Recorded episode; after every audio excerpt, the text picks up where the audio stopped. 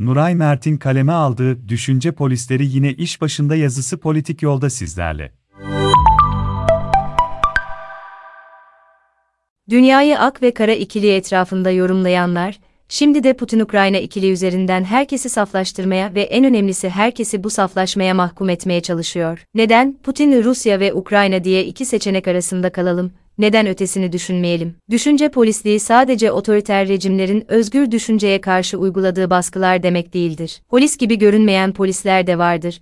Baskıların tek aracı sadece koplar değildir. En etkili baskılar görünmez kılınan baskılardır. Şimdilerde Rusya'nın Ukrayna'ya yaptığı askeri müdahale karşısında tek seçenek olarak Putin karşısında kılıç kuşanmayan, Putin'den beterdir baskısı bir kez daha düşünce polisliğine soyunmuş vaziyette. Putin'in canı cehenneme, ama neden bu vesileyle bir kez daha öncelikle durup düşünmeyelim?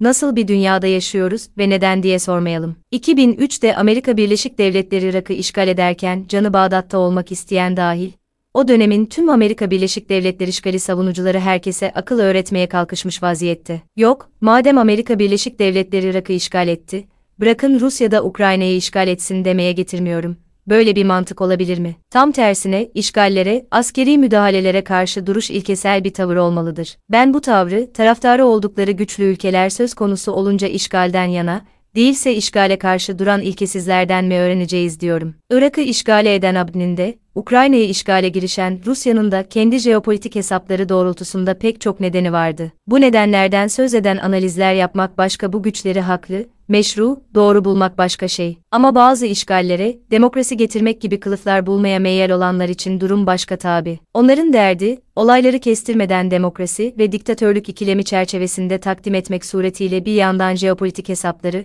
diğer yandan nasıl bir dünyada yaşadığımıza ilişkin sorgulamaları karartmak. Oysa en önemlisi, dünyanın neden hala kanlı bir küresel iktidar, rekabet sahası olmaya devam ettiğini sorgulamak. Dünya barışı uzak ihtimalde, artık hiç olmazsa bu çağda kanlı savaş ve çatışmaların son bulması gerektiği fikri yüzyıl boyunca çok dillendirildi. Birinci Dünya Savaşı sonrası Milletler Cemiyeti bu amacın kurumsallaşması olacaktı, olmadı. İkinci Dünya Savaşı'nda daha da kanlı bir süreç yaşandı ertesinde Birleşmiş Milletler bu amaçla kuruldu. Gene olmadı. Soğuk Savaş sürecinde tek değişen kanlı çatışmaların vekalet savaşları ile bölgeselleşmesi oldu. Soğuk Savaş'ın en gergin yaşandığı 50'li ve 60'lı yılların ardından, bu tür arayışlar çerçevesinde Brejnev ve Nixon görüşmeleri, 1975 yılında Helsinki Deklarasyonu'nun ilanı ile sonuçlanmıştı. En son, 80'li yıllarda Gorbaçov döneminde yine aynı çerçeve içinde Soğuk Savaş'ın sona ermesini hedefleyen görüşme ve anlaşmalar ile Sovyetler Birliği ve Varşova Paktı sona erdi. Ama dalaş dövüş bitmedi, Sovyetlerin denklemden çıkmasının sonucu Abd'nin tek kutuplu hegemonya savaşları başladı. Uzatıp başınızı ayırtmak istemem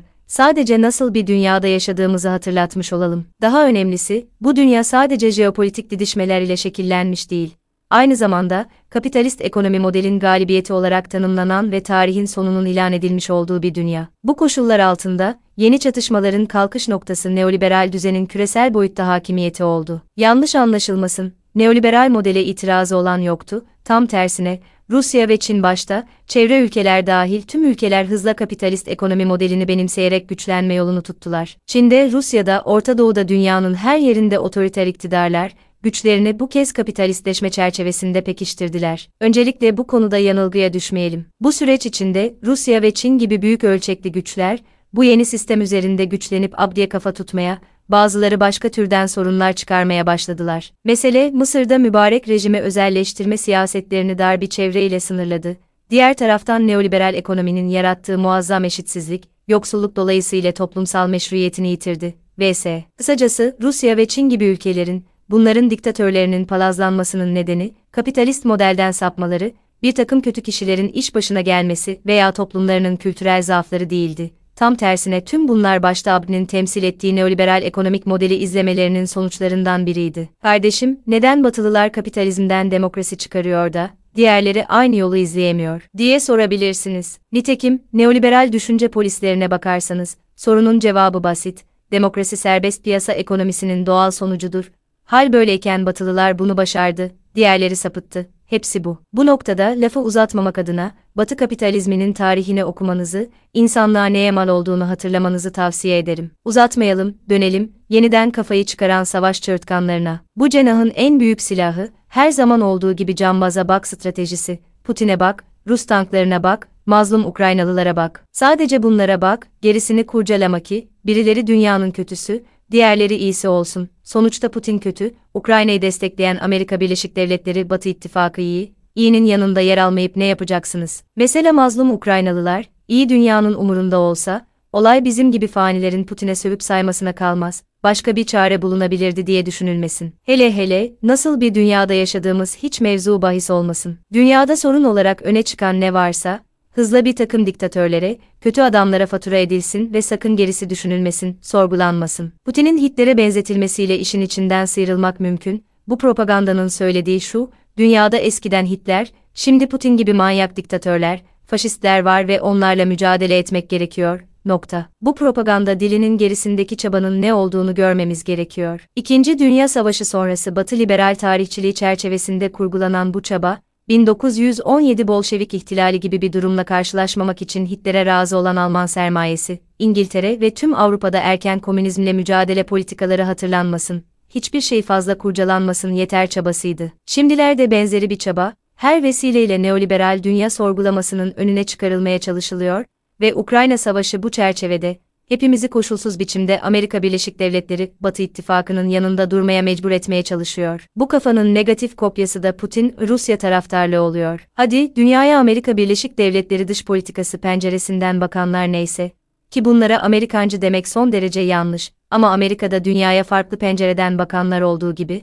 halihazırda Demokrat Parti çevresinde bile bizimkilerden farklı düşünenler var. Neyse, hadi onlar Amerika Birleşik Devletleri dış siyaseti nereye onlar oraya. Ya kendine solcu, hatta sosyalist diyenlerin bir kısmı hala Rusya'nın mazlum güç olduğunu sanıp, onun yanında hizalanırken onlara karşı diğer bazılarının Putin'i neofaşist diye tanımlamanın rahatlığı içinde, neredeyse NATO'ya davetiye çıkarmasına ne demeli? Amansız solculuk yapmayalım telaşı, sol liberalleri pek çok başka konuda olduğu gibi, bu konuda Amerika Birleşik Devletleri stratejik çıkarlarının sözcülüğünü yapan neoliberal düşünce polislerine rehin kılıyor. Oysa ya Putin'den, diktatörlerden yanasın, ya demokratik dünyanın şeklindeki düşünce terörünün, soğuk savaş dönemindeki ya totaliter komünizmden yanasın, ya da hür dünyanın propagandasından hiç farkı yok. Malum o zaman da bir kısım solcu, koşulsuz Sovyetler yanlısı olmuştu. Buna karşı, Arthur Koestler, George Orwell gibi bazı entelektüeller soğuk savaş propagandasında aktif rol bile aldılar. Sonuçta, dünyaya eleştirel gözle bakma iddiasında olanların hala bu kafada olduğu,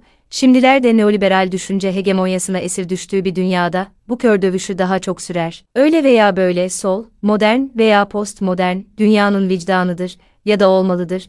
Tam da bu nedenle mevcut kafa bulanıklığının vebali büyük oluyor. Not, bu arada çok daha önemli hususları gölgelemesin diye, söz konusu etmedim. Ama bu karışıklıkta, Amerika Birleşik Devletleri Başkanı Biden'in oğlu Hunter Biden'in Ukrayna'da iş ilişkileri etrafında yürütülen dava ve tartışma tabii ki gündem dışı kaldı. Bunu da not düşmüş olalım.